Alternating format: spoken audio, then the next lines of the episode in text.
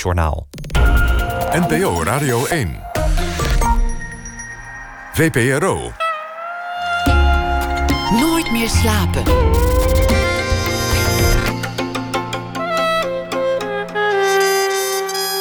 Met Pieter van der Wielen. Goedenacht en welkom bij Nooit meer slapen, het begin van Bevrijdingsdag 2020.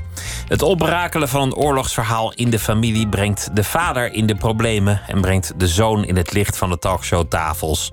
En dat is maar één van de verhaallijnen in het boek De Hollandse Droom van Martijn Simons, die tegenover mij zit. Een soort Nederlandse versie van The Great American Novel. Over een politicus die fel spel niet schuwt. Een Nederlands gezin waarvan een van de kinderen psychotisch wordt. De danswereld van de jaren nul en Marokkaanse kinderen van het plein die groot worden met andere kansen dan die in dat gezin gelden. En dat allemaal tegen de achtergrond van de jaren Balkenende. En altijd weer die oorlog. Martijn Simons, geboren in 1985, schreef daarmee zijn vierde boek, De Hollandse Droom. Martijn, hartelijk welkom. Dankjewel. Wat leuk dat je gekomen bent. Ja, fijn om hier te zijn.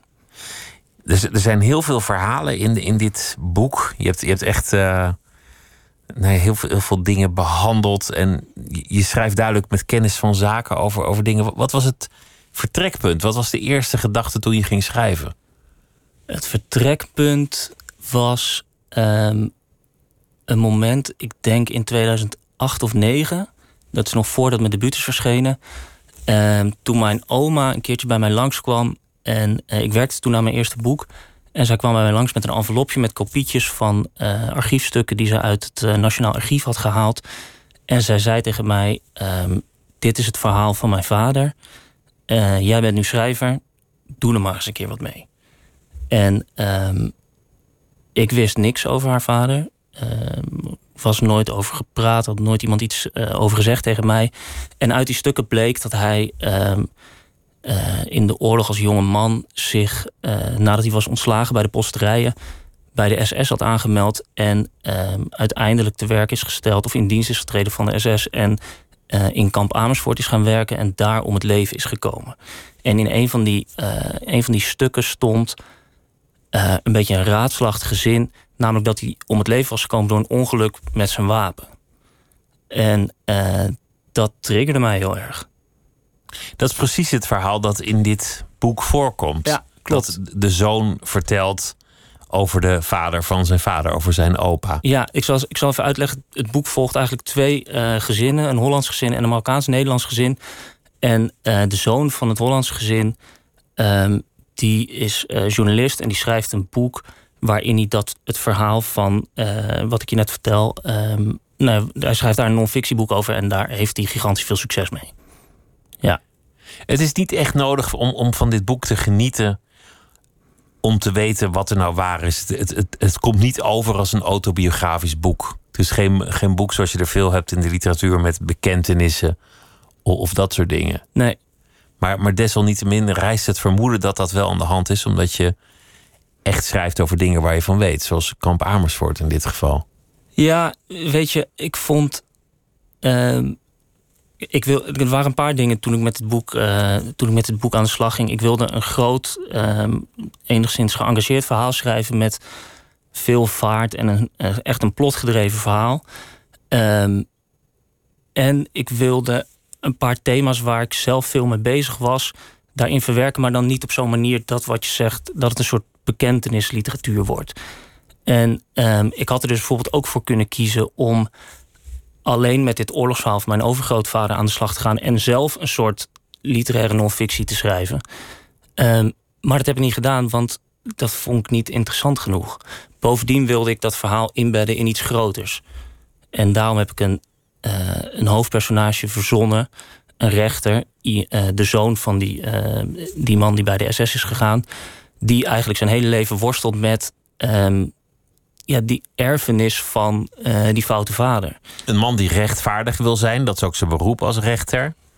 Maar het grote onrecht zit al in de familie. Of de, de, de zonde van, van de onrechtvaardigheid. Ja, klopt. Hij, um, nou ja, het verrangen is dat hij zijn vader zelf nooit gekend heeft. En dat hij alles wat hij erover weet van zijn moeder weet. En um, nou ja, dat hij zich altijd, of dat hij altijd het gevoel heeft gehad dat hij zich daarvoor heeft moeten rechtvaardigen.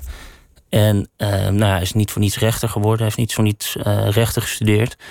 En uh, dat lukt hem aardig om, uh, om die erfenis uit te wissen. Maar ook niet helemaal, zal ik maar zeggen. Jouw vader was ook rechter, toch? Mijn vader is nog steeds rechter, ja. Nog steeds? Ja. Dus ook, ook dit is een gegeven dat je kent? Dit is een gegeven wat ik, dat ik ken, maar ik denk dat als dat niet zo zou zijn geweest... dan had ik hem ook rechter gemaakt, de hoofdpersoon. Want, Want dat past gewoon lekker in je nou verhaal. Eenmaal, ja, precies. Wat, wat was dat ongeluk met het pistool? Want het is inderdaad een, ja, dat weet ik niet. fascinerende zin. Daar ben je nooit achter gekomen nee, wat er echt gebeurd is. Nee, nooit achter gekomen. Um, ik vermoed ook dat daar nooit achter te komen valt. Het enige wat ik, nou ja, wat, wat ik net al zei, ik, ik werd daardoor, uh, ik ging daardoor aanstaan en ik dacht, dit biedt mij de kans om daar zelf iets mee te doen.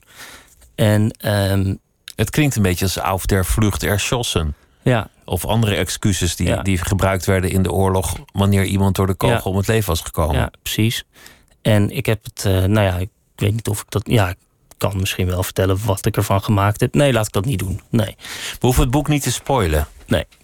Het, het is een schande in, in de familie dat er iemand in, in, bij de SS heeft gezeten en dan bewaker van het gruwelijke kamp is, is geweest. Voel jij dat eigenlijk ook zo? Heeft het nog iets met jou te maken dat, dat een van je voorouders daar zat? Nee. Ik heb daar helemaal. Ik voel daar eigenlijk helemaal niks bij. Het enige wat ik. Ik heb voor. Uh, toen ik daadwerkelijk aan de slag ging met dit verhaal, heb ik, een paar keer met mijn, uh, met mijn oma gesproken. En zij is uit 35, dus zij was tien toen de oorlog eindigde. En uh, zelfs zij weet eigenlijk maar. Heeft, ze heeft zelf eigenlijk maar heel weinig herinneringen aan haar vader. Um, en mijn, mijn moeder, nou ja, al helemaal niet natuurlijk. En ik nog veel minder. Dus dat, ja, ik heb het vooral. Het is echt een literair gegeven. Mijn, mijn opa zat gevangen in kamp Amersfoort. En ik heb dan ook niet dat ik dan denk van... goh, jouw voorouders hielden mijn voorouders. Ik bedoel, het is niet dat er nu een soort vijandigheid tussen nee, ons is. Er staat al plexiglas vanwege het virus. Maar dat, dat soort erfzondes, daar geloof ik helemaal niet in. Nee, ik ook niet. En nee, ik denk dat zou ook wel een beetje... Kijk, omdat het, het heeft mij persoonlijk het niet op de een of andere manier beïnvloed. Dus ik, ja, ik kan dan wel gaan doen alsof... En, zeggen dat het zoveel generaties doorwerkt. En er zijn heel veel gevallen waarin dat ook daadwerkelijk zo is. Maar in dit geval is dat gewoon niet zo. De verhalen die je vertelt, die, die komen me wel bekend voor. Bijvoorbeeld over dat er te weinig eten was en dat het eten dan als een val werd uitgezet om mensen te kunnen betrappen op diefstal waar de doodstraf op stond. En dat de bewakers daar spelletjes mee speelden. Ja, dat heb ik, eh, dat heb ik zo gehoord toen ik daar een keer een rondleiding kreeg. Dat, uh, die man die vertelde dat, je, dat die bewakers dan expres uh, brood of zo net buiten de omheining plaatsten. En, uh, of buiten het gebied waar de gevangenen dan mochten komen. En dat, ze, ehm, dat het hen toegestaan was om uh, te schieten als dan een gevangene daar naartoe ging. En nou, dat deden ze dan. En dat was dan een soort, ja, een soort spel eigenlijk. En dat is tamelijk uh, pijnlijk. Luguber en, ja. en, en gruwelijk en gemeen. Mijn opa zei altijd dat, dat de Nederlandse bewakers gevaarlijker waren dan de Duitsers. Want, want de Duitsers, dat waren over het algemeen dienstplichtigen die het ook niet zoveel kon schelen. Ja, precies. Ja, ja. Kan ik me wel iets bij voorstellen. Maar uit, het, uit de stukken die ik heb gelezen, die archiefstukken, daar reist nou niet per se een beeld op van iemand die vanuit soort politieke overtuiging die keuze heeft gemaakt. Eerder iemand die iemand, gewoon verzeld raakte. Ja, iemand die uh, een beetje een soort krabbelaar die, uh, die eigenlijk geen andere uitweg meer zag of dacht ik ga dit doen, want dan heb ik in ieder geval een inkomen en dan weet je wel zo. Um, niet, in ieder geval niet politiek gemotiveerd.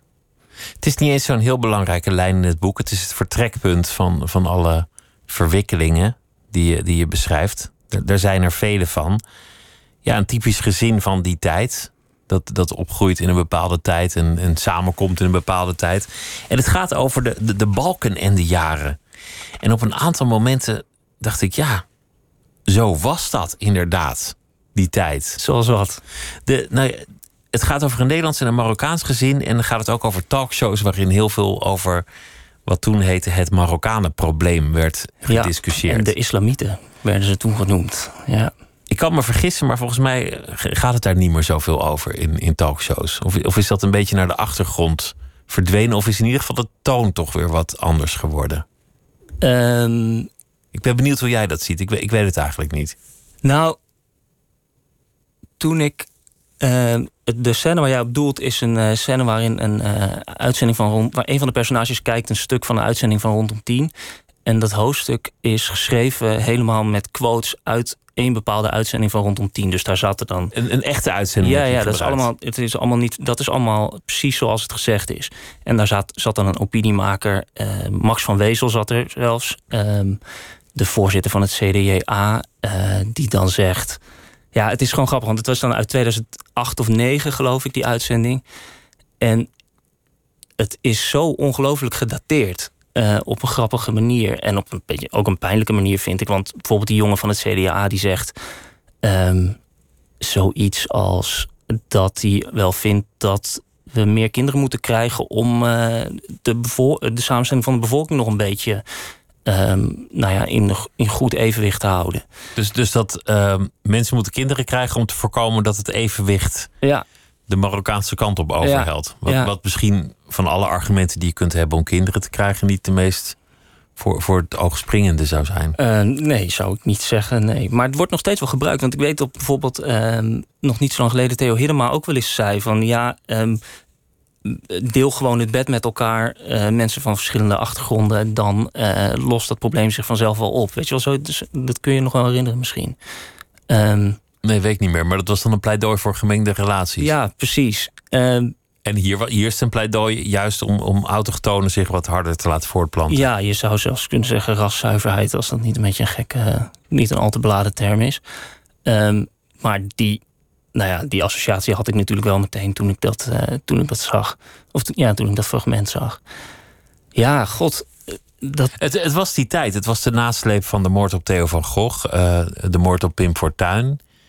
Kennelijk zat het land nog in, in een soort verwerking daarvan. Avonden aan één in talkshows werd daarover gesproken. In vaak debatten wie, wie zich nou aan wie moest aanpassen en dat soort dingen. Het leidde ook nooit, naar mijn idee, ergens toe. Nee, en ik denk ook dat dat heel erg komt.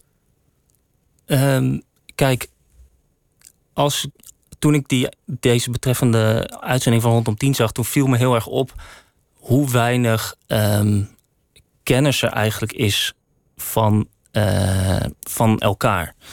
En dat bijvoorbeeld iemand als. Um, ja, wie was dat ook alweer? Chris Rutefrans van de Volkskrant. Um, dat hij allemaal hele nare dingen ging zeggen over vrouwen en blijf van mijn lijf huizen. En de oververtegenwoordiging van uh, islamitische vrouwen daar. En dat dat heel erg geplaatst werd tegenover een tamelijk onschuldige uh, uh, moslima. En dat zij echt door twee of drie van die deelnemers aan dat zogenaamde debat echt in de hoek werd gezet. En zij moest het allemaal verdedigen. Precies, zij was echt een soort token en zij, zij had daar de rol om haar hele achtergrond en haar hele cultuur en haar, om dat allemaal maar te verantwoorden en op de een of andere manier goed te praten, terwijl zij helemaal daar niet voor. Dat is helemaal niet haar rol, weet je wel. En ja. Zij zat daar toevallig. Zij zat daar. Zij had de pech om, om ineens daar. Ja, je had een beetje, ik had een beetje het idee dat ze erin was geluisterd, eerlijk gezegd. Ja.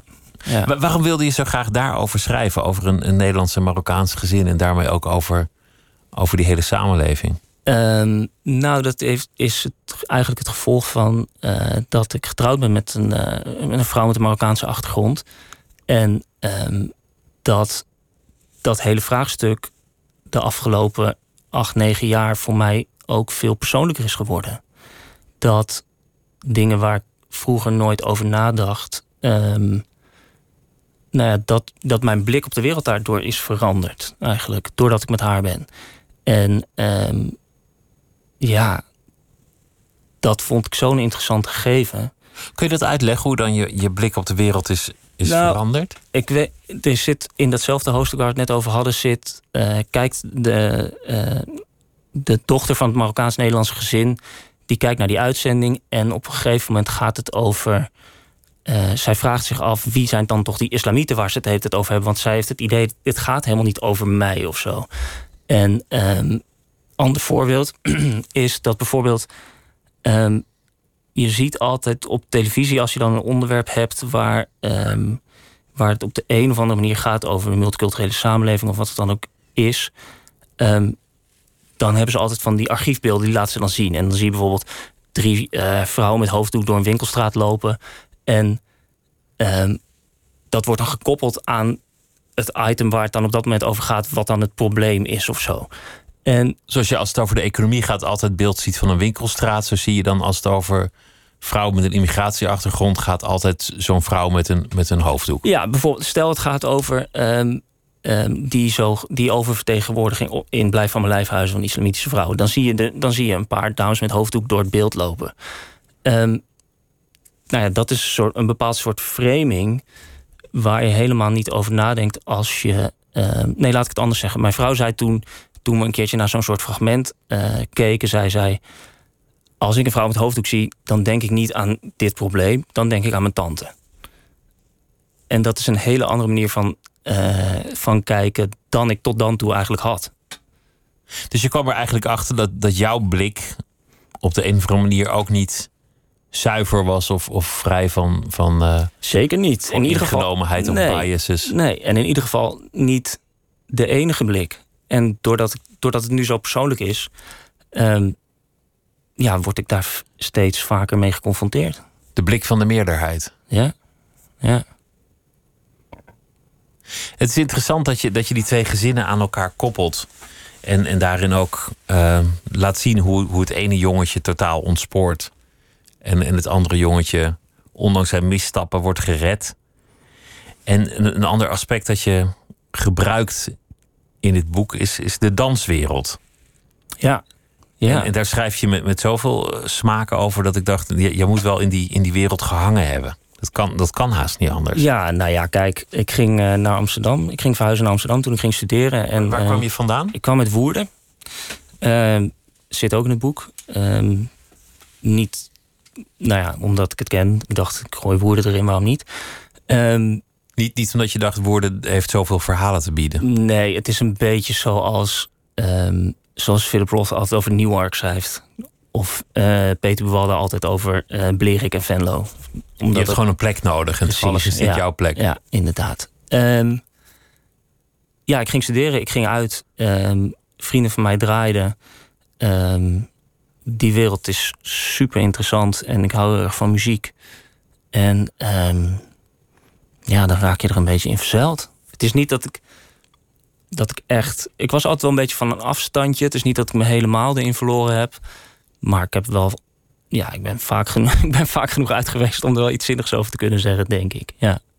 Wat voor moment was dat in, in je leven? Want je, je kwam uit Woerden. eh, nou ja, je vader rechter. Dus dan neem ik aan een nette omgeving waarin je bent opgegroeid. Een hele brave, eh, nette omgeving, ja. Gelukkige jeugd. Ja hoor, ja, niks aan de hand eigenlijk. Ja. En toen die danswereld. Was, was dat het moment dat de wereld open ging? Wat gebeurde daar? Ehm, ja, goede vraag. Ehm, ging de wereld toen open? Nou, het was meer dat het heel prettig was om... ehm, kijk, ik vond het best wel lastig, moet ik zeggen... de eerste paar jaar na de middelbare school. Op de middelbare school was alles makkelijk en vanzelfsprekend. Voor sommigen geldt het juist helemaal andersom. Die zijn blij dat ze uit huis kunnen en zo. Maar voor mij, ik vond die eerste paar jaar eh, op mezelf vond ik wel lastig. En ja, die nachtwereld die biedt een soort. Ja, het is een soort toevluchtsoord. En die muziek is heel bezwerend op een bepaalde manier. Dus ik heb daar wel. Ja, ik heb daar wel wat aan gehad. Wat, wat vond je moeilijk aan het uit huis gaan? Ehm, ik denk het idee dat je volwassen bent en dat je geacht wordt om daadwerkelijk aan de slag te gaan met je ambities. En dat je misschien nog helemaal niet zo goed weet wat die dan eigenlijk zijn, maar dat er wel veel verwachtingen zijn. Je moet van alles, maar je hebt geen idee wat je wil. Ja, of je weet misschien wel wat je wil, maar je hebt nog geen idee of je het kunt en hoe je dat eventueel zou moeten realiseren. En de nachtwereld lijkt me dan een plek van escapisme. Ja, is er natuurlijk ook. Niet, niet een plek waar je het antwoord vindt, maar waar, het, waar de vraag even niet aanwezig is. Nee, maar dat kan ook heel prettig zijn. Zeker. Ja, In, in jouw boek is het zo dat tijd ook niet mag bestaan in zo'n, in zo'n nachtelijke omgeving. Geen, geen enkele suggestie van daglicht. Nee, van klopt. schemer, van, van, van Nee, ja, dat is natuurlijk een bekend fenomeen van, eh, van veel afters in, eh, in woonhuizen. Dat eh, de ramen worden afgeplakt. Als je maar ehm vuilniszakken tegen de, tegen, de, tegen de ramen plakt, dan kun je, de, kun je de dag en de dag daarop eventueel kun je buiten houden. dan bestaat tijd eventjes Nee, niet. dan kun je gewoon doen waar je mee bezig bent en hoef je verder nergens aan te denken. Nou, dat kan heel aantrekkelijk zijn. Ja, ik bedoel, je moet op een gegeven moment toch weer naar buiten. En dan ja, komt het extra hard binnen. Zou, daglicht, zou ik zeggen. Maar ja, zolang je het buiten kunt houden, waarom niet? Vaak, vaak heeft het een associatie van feest en vrolijkheid. En, en hedonisme en ga ze maar door. Maar als mensen dan terugkijken op de tijd dat ze heel veel in de nacht leefden, in, in, het, in het dansleven, dan was het geen gelukkige tijd. Achteraf denken ze ineens, ik was op de vlucht. Ja, is ook zo. Ja, het is allebei natuurlijk. Je, hebt, je, je maakt hartstikke mooie dingen mee. Je beleeft schitterende avonden. En ik kijk er met, ehm, ja, ook met een beetje weemoed op terug. Maar ik ben wel tevreden en blij dat ik er niet meer, dat ik er niet meer elke week hoef te doen, weet je wel. Ook omdat je ziet dat, ja, dat het niet voor iedereen goed uitpakt, zo'n leven. Je kunt je erin verliezen. Je kunt je er makkelijk. zeker in verliezen. Ja, dat heb ik wel gezien. Ja, Middel- Middels drugs of op andere manieren. ja zeker. Ja. Muziek speelt een grote rol. En meestal als het over de, de, de dance scene gaat, dan gaat het over de jaren 90. Of over 1989 of 1990. eh, The Summer of Love of Mhm. eh, The Summer of, eh, of weet ik veel wat. Maar jij zegt eigenlijk de jaren 2004, 5, 6. Dat, dat waren de gouden jaren. Nou ja, voorbij, omdat ik toen op die leeftijd was natuurlijk. En ehm, omdat, ja, dat, he- dat heeft gewoon te maken met, dat was mijn tijd. Ehm, je, toen had je, en toen had je ook dingen die je nu niet meer hebt. Toen had je Club 11 in het oude PTT-gebouw naast het Centraal Station. Is er niet meer. Later had je, eh, nou in het begin had je zelfs nog de Matzo, een beroemde club. Is er al lang niet meer. Daarna had je Club Trouw. Die heb je ook alweer een tijdje niet meer. Dus dat, die tijd is ook een beetje bevroren. Omdat je kunt, ten eerste kun je er niet meer naar terug, maar je kunt ook niet meer naar de plekken waar het toen gebeurde. Ehm, En dat maakt het ook mooi om erover te schrijven. ja, en ik ken eerlijk gezegd geen ander boek dat die tijd. Kijk, je hebt natuurlijk bijvoorbeeld Gimmick. Ehm, dat is de tijd van de Roxy. Joost Zwagerman, ja. Ja. Maar je hebt, ik ken nog geen roman die eh, echt iets over deze, ja, over die, die, die, die echte hoogtijjaren van bijvoorbeeld van de minimal techno. En ehm, waarin ehm, de elektronische muziek veel meer verweven raakte met andere invloeden. Dat het eh, helemaal niet meer gek was om bijvoorbeeld, eh, dat is nu eigenlijk heel normaal, om bijvoorbeeld je set af te sluiten met een plaat van ABBA. Ik zeg maar wat. Ehm Kluun heeft erover geschreven. Kluun heeft erover geschreven, inderdaad. Ja, klopt. DJ. Ja, En dat ging eigenlijk over iets anders. Dat ging over een, een man die succes heeft en dan bang is dat hij niet meer serieus wordt genomen door de, ja, door de echte kenners. ja, daar kan ik niks over zeggen, dat heb ik niet gelezen. Dat ging eigenlijk over Kluun zelf als schrijver, Oh ja, ja, denk ik. ja. Je noemt ook, en dat- dat, is heel leuk dat hij in, in je boek voorkomt, Tony Allen, de, de grote man van de Afrobeat, drummer, die eh, vorige week is overleden.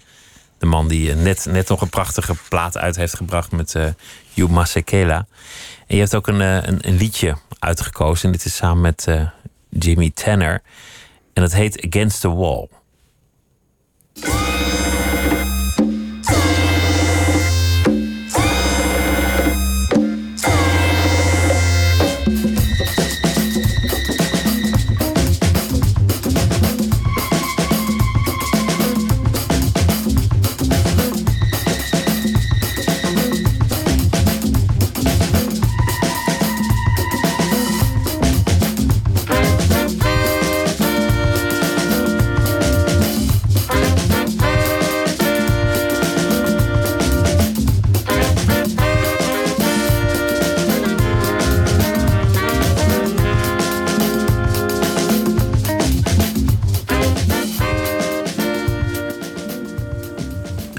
Kort fragmentje, maar dan heb je eventjes de, de beat te pakken. Martijn Simons zit tegenover mij. De Hollandse Droom heet uh, zijn boek. Een, uh, een, een, dik boek met heel veel uh, thema's.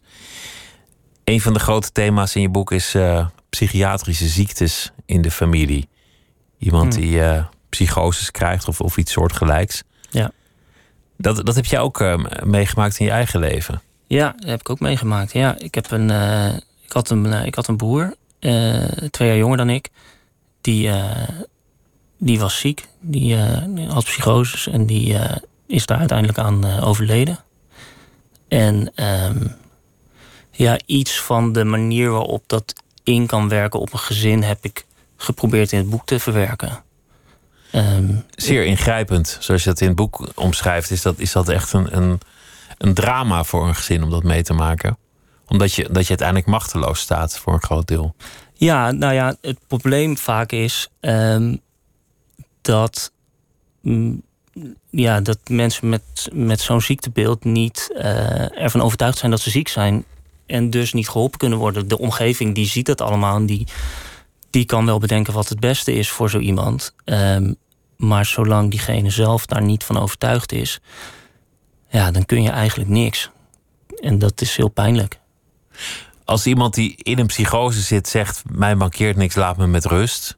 Dan, dan kan je niet een soort macht uitoefenen over diegene. Die heeft uiteindelijk de zeggenschap over zijn eigen. Ja, nou ja, je, ja kijk, in Nederland is het heel lastig om iemand ehm, opgenomen te krijgen die dat niet wil. Dat, ja, dan, je hoort altijd, je wordt alleen opgenomen. Ja, kijk, je belt de crisisdienst en die zeggen we komen alleen als iemand een gevaar is voor zichzelf of zijn omgeving. Nou, dat is nou eenmaal niet zo heel snel zo. En um, ja, zolang dat niet zo is, kan, kan iemand niet opgenomen worden. En, um, dus je moet wachten tot het escaleert? Nou ja, dat is een beetje het probleem. Ja, zolang iemand niet zelf uh, een stap zet, dan um, ja, gebeurt er eigenlijk niet zo snel iets. Nee. Hoe, hoe is dat begonnen met, met je broer? Wat, wat waren de tekenen dat het aan het ontsporen was? Nou, het begon een beetje ook in die fase zo rond een jaar of twintig, begin twintig. En het begon denk ik een beetje met um, dat, er een beetje, dat er af en toe gekke dingen gebeurden. Um, dat hij bijvoorbeeld uh, een soort gekke ruzie had met huisgenoten en dat er twee versies van een verhaal waren. En dat wij dachten, dit is gek. Dat klopt, ik weet niet precies het voorbeeld, maar de verhalen waren dan zo dat je niet helemaal kon geloven of zo. En nou ja, dat, naarmate dat vaker voorkomt, ja, ga je wel ja, ga je nadenken. En als je dan zonder al te veel op zijn, uh, op zijn specifiek geval in te gaan. Um, ja, dat soort dingen gebeuren dan vaker. En dan op een gegeven moment is het wel duidelijk, er is iets niet helemaal goed. Um, wat zou het zijn? Um, wat vindt hij er zelf van? nou ja, wat ik net al zei. Um, vaak is het zo dat mensen zeggen: er is eigenlijk niks met mij aan de hand. Um, ja, en dan is het eigenlijk, gek genoeg, wachten tot het een keer misgaat. Daar komt het om neer. Tot het ontspoort. Ja, dat heb ik ook met de andere mensen in mijn omgeving wel meegemaakt. Um, ja, en dan, ja, weet je wel, of iemand wordt een keer opgepakt door de politie omdat hij. S'nachts met, ik zeg maar, dit is niet gebeurd, maar met 180 over de, door de bebouwde kom uh, rijdt en uh, zijn auto tegen een lantaarnpaal, uh, om een lantaarnpaal fout. Ja, of er gebeuren andere gekke dingen. En nou ja, dat zijn dan de momenten waarop, waarop het even stil komt te staan. En je ook kunt proberen om ja, iets van reden in iemand te praten of zo. Een van de rare dingen bij psychose is dat het vaak zo is dat degene die het ondergaat, die, die erin zit, zelf juist het idee heeft dat het, dat het heel goed gaat. Dat hij mhm. dichter bij een fundamentele waarheid komt. Of, of dat hij het juist bij het rechte eind heeft. Ja, dat is heel gek, ja. Dat heeft, uh, dat heeft mijn broertje ook wel eens gezegd. Dat hij tijdens een psychose... dat het ook, wel, dat het ook goed voelde. Dat het heel uh, uh, puur voelt. Um, alsof alle ruis weg is of zo. Zoiets probeer ik me er dan bij voor te stellen. Maar hij heeft ook vaak genoeg gezegd dat de gedachten die hij toen had, dat hij wel inzag dat dat niet de gedachten waren die hij um, normaliter zou hebben. Dat, Dus er, dat is- er iets mis mee was. Ja, dat bepaalde associaties die hij dan maakt, ehm, ja, dat dat, dat dat niet klopt. Ja. Je hebt je broer niet kunnen, kunnen helpen uiteindelijk. Hij, hij is overleden daaraan. Ja. Hij is, hij is uit het leven gestapt. Ja. Ja. Je, schrijft er, je schrijft erover. Wist je altijd al dat je daar uiteindelijk over zou gaan schrijven, over dat thema? Ehm, ik ben er eigenlijk al mee begonnen toen hij nog leefde. En ehm, dat, ik wilde, kijk, ik wilde heel graag iets over die muziek zien schrijven.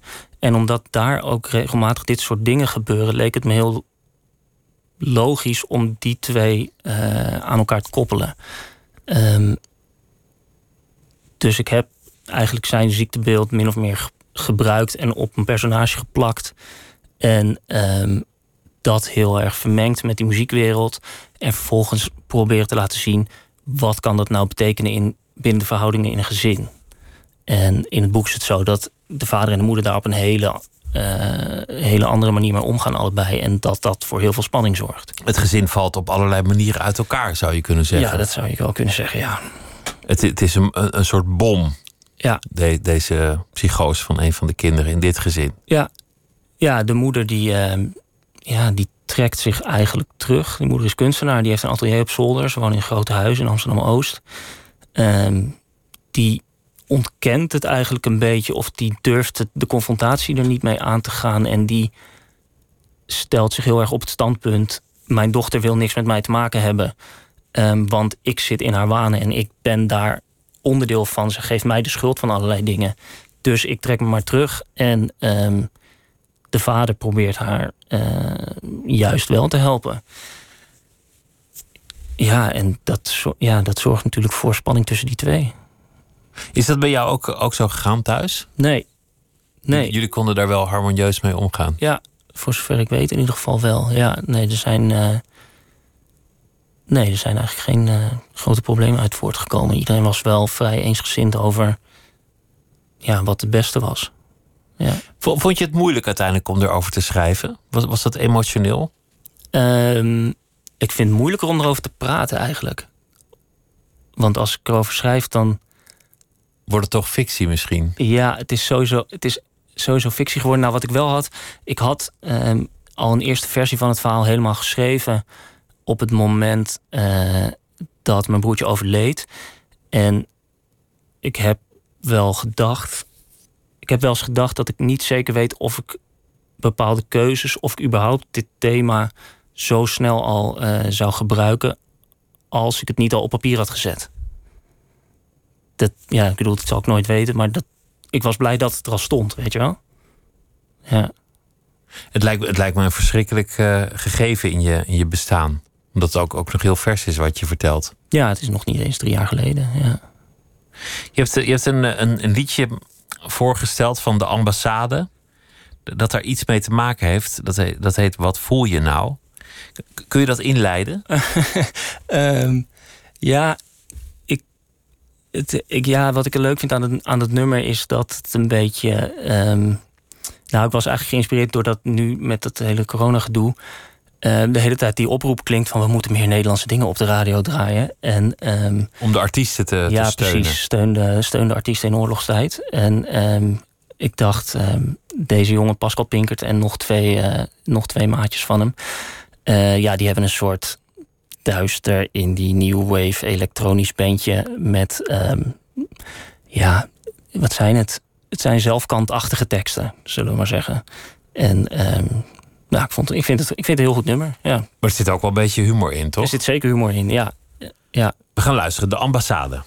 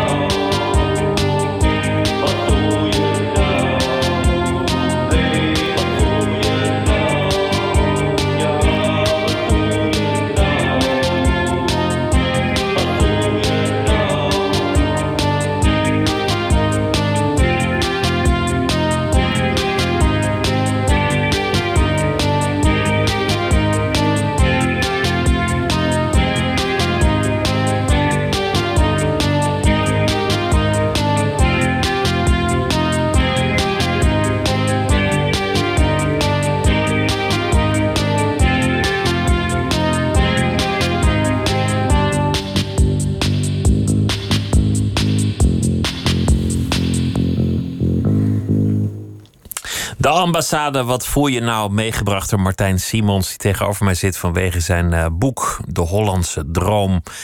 Wat zijn je idealen je waard als het er werkelijk op aankomt? Want dat is nog een uh, belangrijk aspect aan het boek. We hebben al veel besproken dat uh, geput is uit het eigen leven. Kennis van de danswereld in Amsterdam in de jaren 2000. De verhouding tussen Nederlanders en Marokkanen. Erachter komen door een Marokkaanse geliefde te trouwen dat je eigenlijk ook niet een, zuivere blik op de werkelijkheid hebt. Dat je zoiets hebt als een vertekend beeld van de meerderheid. Namelijk, het ging ook over het oorlogsverleden. Heb je er ook nog in vermengd? Je hebt eigenlijk allemaal dingen gewoon geplukt uit je eigen bestaan. En die naar je hand gezet en er fictie van gemaakt. Om iets groters te vertellen over, uh, over ons, over dit land. Maar, maar, ik wil even toch terug naar je eigen leven. Want je kwam uit Woerden. Mm -hmm. Je kwam naar Amsterdam. En je zei, ja, ineens was ik een beetje ontheemd, want de grote vragen van het leven die drongen zich op en ik had nog helemaal geen antwoord. Ik voelde het druk, maar kan ik het wel? Wat dacht je dat je wilde toen? Had je enig, enige beeld van de toekomst? Nou, op de middelbare school wilde ik wel altijd schrijven. Um, en ik wilde naar Amsterdam, dat was duidelijk. Um, dus ik ging Nederlands studeren. En ja, god, uh, verder wist ik het eigenlijk niet zo goed. Nee, het was allemaal nog vrij uh, oningevuld. Um, het enige wat ik wist was dat ik als ik wilde schrijven bij een uitgeverij binnen moest zien te komen.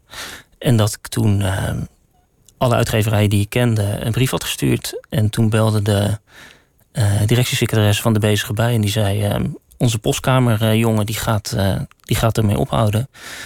Ehm, wil jij misschien komen? Want dat stond in de brief, dat je, dat je werk zocht. Ja, ik zei, ik studeer Nederlands. Ik uh, ben 19, denk ik dat ik was. Um, ik uh, wil heel graag bij de uitgeverij werken. Het maakt me niet zoveel uit wat jullie te doen hebben. Als jullie iets te doen hebben, bel me.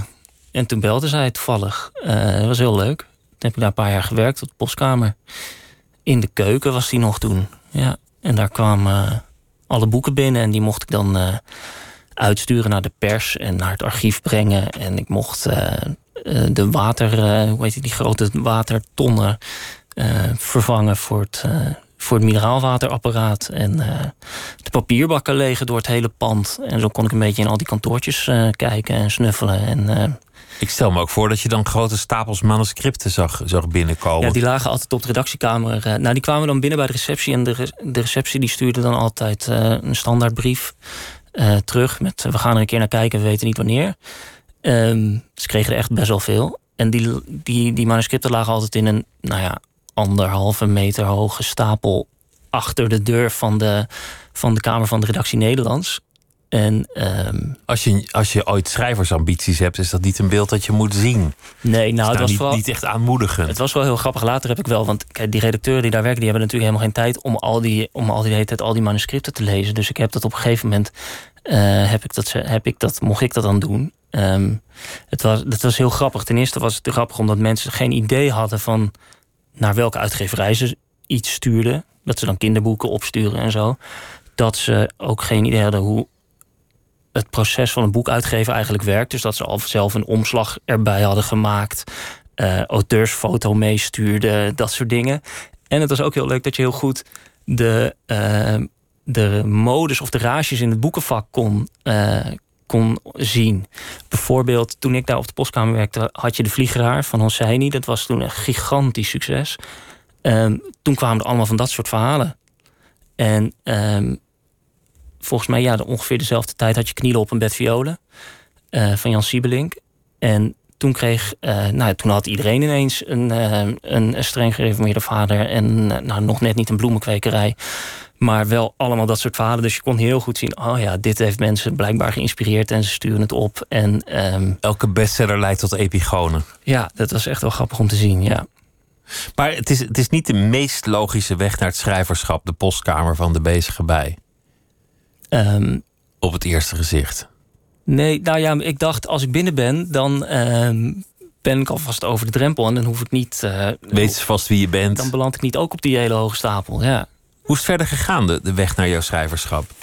Nou, um, ik was toen een tijdje gestopt met schrijven omdat ik dacht dat het allemaal niet meer zou lukken en zo. En omdat ik het ook al wel lastig vond. Het, ja, het schrijven lukte gewoon niet. En toen had eh, een goede vriend van mij had een keer tegen mij gezegd... ik weet niet, waar zaten we aan thuis, hij was de krant aan het lezen... en hij zag geloof ik een advertentie van uh, uh, een soort masterclass van Querido... onder leiding van Sander Blom, toen nog. En ehm, hij zei, stuur even een keer een verhaal in, misschien kan je meedoen. Toen heb ik daar meegedaan en toen... dat was eigenlijk best wel leuk, heb je heel veel geleerd. En toen zei Sander Blom aan het eind van die, van die reeks cursussen... Um, als het tot een boekuitgave mocht komen en ik denk dat dat wel gaat gebeuren, dan wil ik het graag uitgeven. En toen dacht ik, ho, maar als dat kan, dan kan ik misschien ook wel tegen de bezige bij zeggen dat ik misschien iets heb wat op termijn publicabel is. Dus doordat hij dat tegen mij zei, durfde ik ehm, bij de bezige bij nou ja, naar iemand toe te gaan en te zeggen: Ik uh, schrijf weer en ehm, wil je het eens lezen?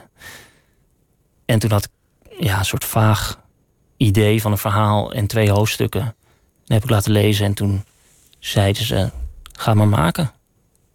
En dat is toen mijn debuut geworden. Ik vind publicabel ook een heerlijk woord, trouwens. Publicabel. Dat, dat, dat is ook lekker de lat. Ja, laag of hoog, wat is het eigenlijk?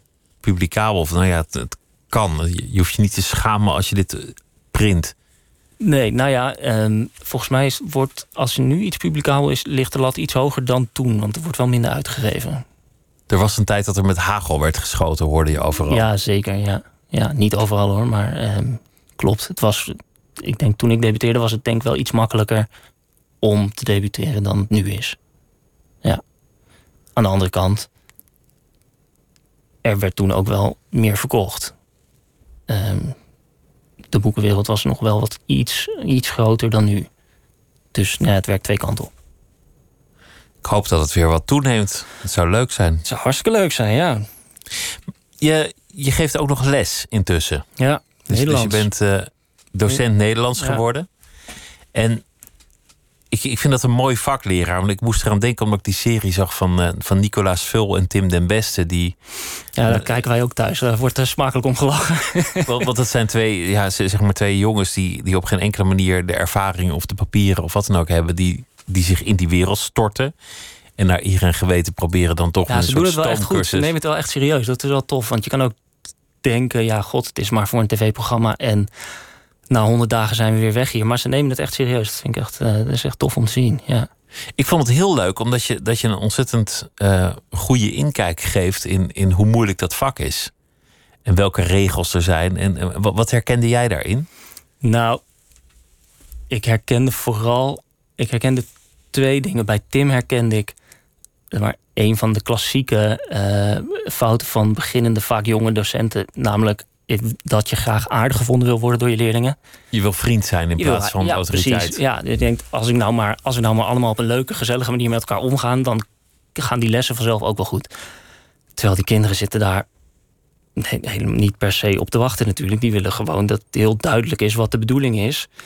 En dat jij ze dat gaat vertellen. En dat je consequent bent en, regels hebt dat je je eraan houdt. Dus ik moest heel erg lachen toen, um, toen een scène met Tim... dat hij op een gegeven moment zei... nou, ik ga er echt iemand uitsturen zometeen. Jongens, wie zal ik er eens uitsturen? Nou, dat, ja, dat is gewoon te grappig, omdat het...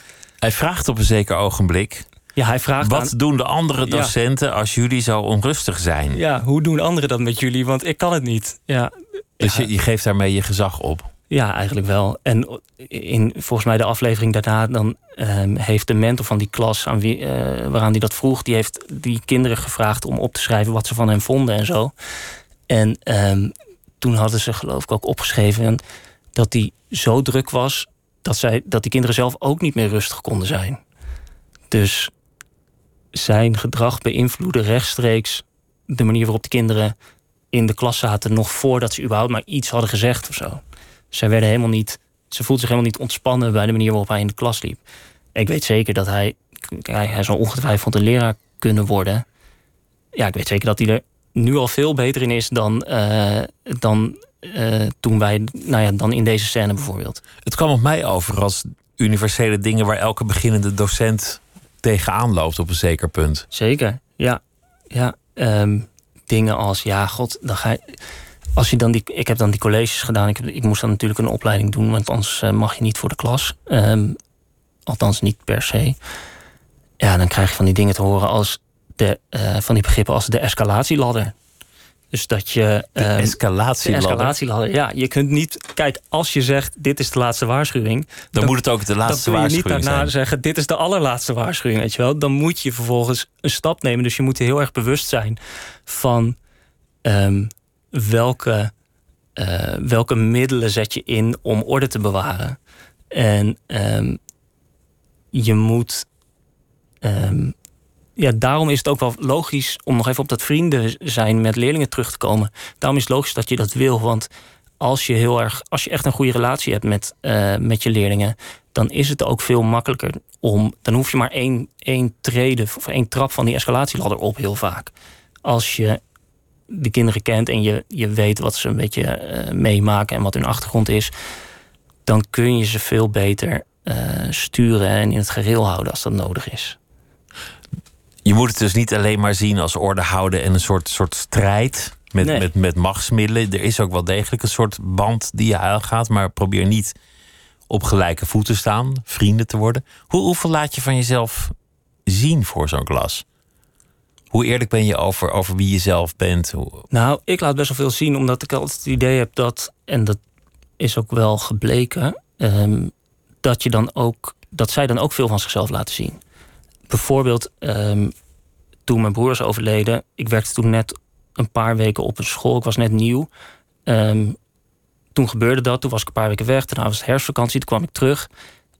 Toen was het jaar echt al best wel lang begonnen. Maar ik had eigenlijk nog niet zoveel meegemaakt. En ik dacht, ja, ik, dit is zo'n ingrijpende gebeurtenis. Ik kan niet nu weer terugkomen in die klasse die ik net een beetje begin te leren kennen. Zonder daar iets over te zeggen. Zonder uit te leggen wat er is gebeurd, waarom je er Ja. niet was. Precies, want ja, die kinderen, ja, hij is ziek. Ja, wat, wat had je dan? Ja, eh, weet je wel zo. Dus ik heb daar wel, ik heb daar in elke klas eh, kort iets over gezegd. En dat is heel gek en ook grappig. Want toen ik bijvoorbeeld in eerste klas, die kinderen van 11, 12, weet je wel, dat vertelde. ehm, ja, dan, toen, toen merkte ik gewoon meteen dat zij zo'n boodschap helemaal niet aankonden. Zij snapte gewoon, Te groot, te, Ja. te emotioneel. ja, wat gooi je nu voor bom op ons, weet je wel? Ze zaten allemaal echt zo te kijken van, ja, wat, moet ik hier, wat moeten we hiermee? En dan ging er één zo'n wijfelend handje omhoog, een meneer gecondoleerd. En dan hoorde je vanuit alle hoeken van de klas ineens, oh ja, ja, gecondoleerd, ja, gecondoleerd. Ja, dat, dat klinkt wel heel lief. ja, het is ook heel lief, ja. Maar het is misschien ook wel go- goed geweest van je om dat te delen, omdat het iets is dat die kinderen zelf in hun leven kunnen tegenkomen. Ja, zeker. Ja, zeker weten. Ja, ik heb wat, dat heb ik ook een keertje meegemaakt. Dat iemand ehm, een tweede, was het een tweede, nou doet het niet toe, een eerste of een tweede klasse, die kwam op een gegeven moment aan het eind van de middag samen met een vriendinnetje bij mij het lokaal. En het was duidelijk dat hij door dat vriendinnetje naar binnen was geduwd om iets aan mij te vertellen. En ehm, nou die vertelde toen eh, dat hij zelf ook eh, veel sombere gedachten had. En ehm, met ja, dat hij wel eens fantaseerde over hoe het zou zijn om er niet meer te zijn, weet je wel, dat soort dingen. En ik kan het niet bewijzen, maar ik denk wel dat hij dat niet zou hebben gedaan als zij niet van mij zouden hebben geweten dat ik op de een of andere manier ervaring daarmee heb. Dat was, was misschien een hulpvraag. Dat, ja, nou ja, ik zei ook tegen hem. Ze zeiden aan het begin van het gesprek, zei de jongen, je mag hier niets over zeggen tegen mijn ouders. Toen zei ik, dat kan ik niet beloven. Als jij, iets mij iets gaat, als jij hier gaat vertellen dat je iemand hebt eh, eh, gedood, dan ga ik niet alleen je ouders, maar dan ga ik ook de politie je bellen, ja. En toen hij dat vertelde, toen zei ik, ja, het spijt me heel erg. Ik ga straks, eh, ik ga vanavond je ouders bellen. Ehm, je mag zelf kiezen of je daar zelf eerst iets over aan ze vertelt. Ehm, maar weet dat ik vanavond eventjes eh, ga bellen. Nou, dat vond hij niet zo leuk, maar hij begreep het wel. Om toch voor, hulp te zorgen dat iemand zich eh, ja, kan ja, inzetten. je kunt niet, als iemand met zoiets naar je toe komt, dan kun je niet zeggen... ehm, Succes ermee. ja, fijn dat je het vertelt. Het was notabene vrijdagmiddag. ehm prettig weekend en ik zie je maandag wel weer. Dat kan het, ja, dat slaat nergens op. Lijkt me ontzettend ingewikkeld wat je dan moet doen trouwens. Als iemand met zoiets bij je komt. Maar het is ook deel van je werk waarschijnlijk. Maar Ja, nou, het komt echt. Ik, heb, ik maak het niet zo vaak mee hoor, maar ehm, ja, ik vond het was op een gekke manier eervol. Dat En hij ik- jou vertrouwde. Ja, dat vond ik wel. Ja, dat is ook een soort verkapt compliment natuurlijk.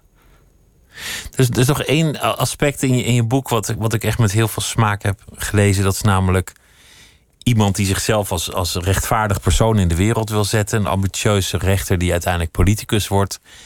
En die dan het smerige spel gaat spelen. Ja, Amerikaanse toestanden zou je het kunnen noemen. ja dat was ook heerlijk om te schrijven. Ja, Kijken of je iemand kunt ontmaskeren om dan zelf de stoel in te kunnen nemen. Om dan, nou ja, et cetera, hoger op te komen in de wereld. En, en je schetst ja, een- een beeld, een soort House of Cards, maar dan in de polder. ja. ja deeltjes worden gesloten op een, eh, op, schimmige. op een parkeerterrein. eh, ja, met, bij een, eh, bij een vis, viskot ergens, ergens in Noord-Holland. Ja, daar komen ze dan samen en daar bespreken ze hoe ze een, een politicus ten val willen gaan brengen.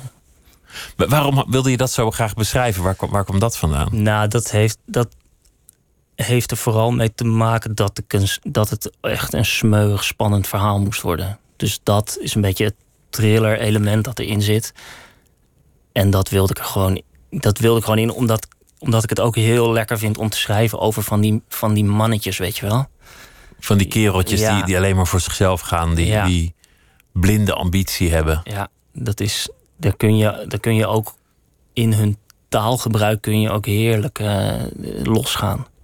Ja, Ik meende een aantal schandalen van die periode te herkennen, maar meer vingerwijzingen. Het lijkt alsof je eigenlijk alle schandalen van de jaren 2000, niet dat dat er meer waren dan in de jaren 2010 of in de jaren 90, dat- je daar gewoon elementen van gebruikt hebt. Ja, er zitten een paar dingen in. Oudkerk kun je, affaire op Oudkerk kun je... Prostitutiebezoek. Precies. Ehm, Jack de Vries, eh, die met, zijn, eh, met een adjudant, geloof ik. Iemand lager in rangen, dat mocht niet in. Defensie. En die, zat toen, eh, die was toen uit huis en die zat in een, in een militaire kazerne, had hij geloof ik tijdelijk onderdak. Ehm, ja, dat soort dingen. Ja.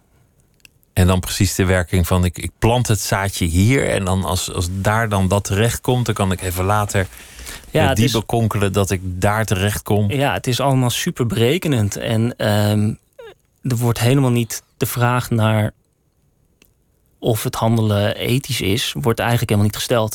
Het is gewoon ja, een soort blinde drang naar boven. Ja. Terwijl hij zelf juist omwille van die ethiek is begonnen. Ja, de nou ja, wens om het goed te doen. Ja, dat is natuurlijk het gekke. Je, ehm, hij wil heel graag.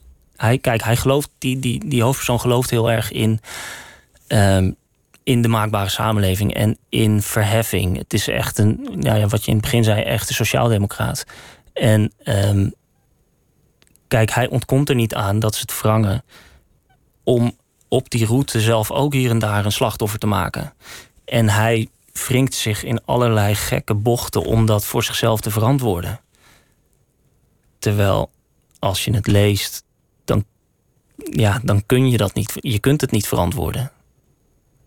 Ja, Het is de gedachte dat, dat jij voor het goede staat. En omdat jij voor het goede staat, is alles wat in jouw voordeel is, uiteindelijk in dienst van het goede.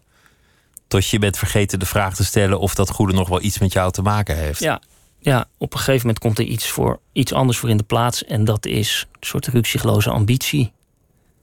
En ja, dat is. Ik geloof echt wel dat, dat, zo, dat het zo gaat.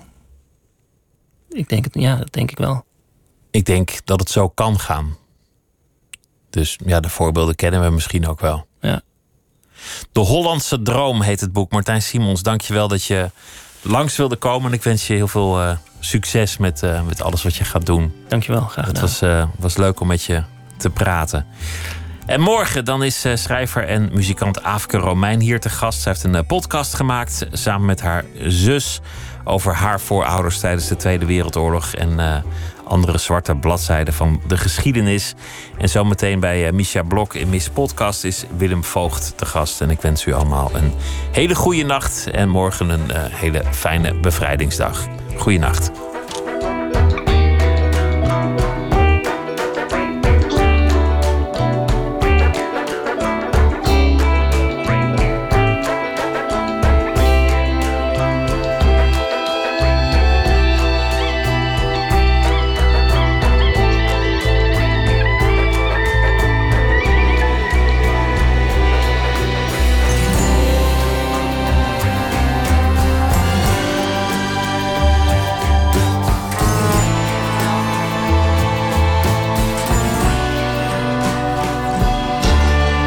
Radio 1. Het nieuws van alle kanten.